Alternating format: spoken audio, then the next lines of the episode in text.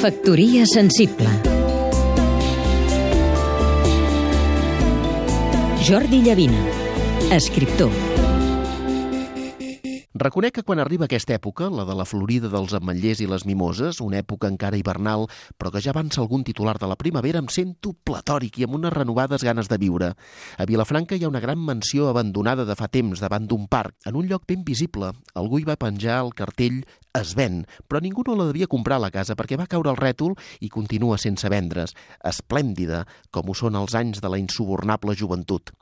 Té les finestres esbotzades i la fusta de la porta principal plena d'esquerdes, del fred, de la calor, de no rebre mai l'escalf de la cera protectora. No es ven, però per sobre de la tanca de pedra del jardí, un jardí que des del carrer pressents que havia de ser magnífic, ple de viaranys, que devien florir incontinents talment dissenyat per la rodoreda, s'aboca en fora el de vassall groc, intens i un punt verdós de la mimosa.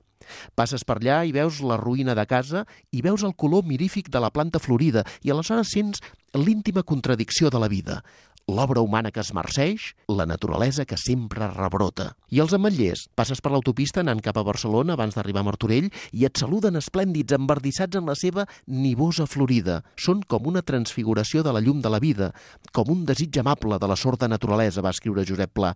I Maragall em va dir que semblen esferaïts, de sentir-se tan florits, tots sols, entre les boirines. Els poetes han cantat la florida de matllers i mimoses. Al comú dels mortals ens sentim també la crida poderosa, la de la flor de la renovació, que comença a enterrar l'hivern i ens fa sentir una mica més feliços abans de la revolució trasbalsadora de la primavera. Factoria sensible Seguim-nos també a catradio.cat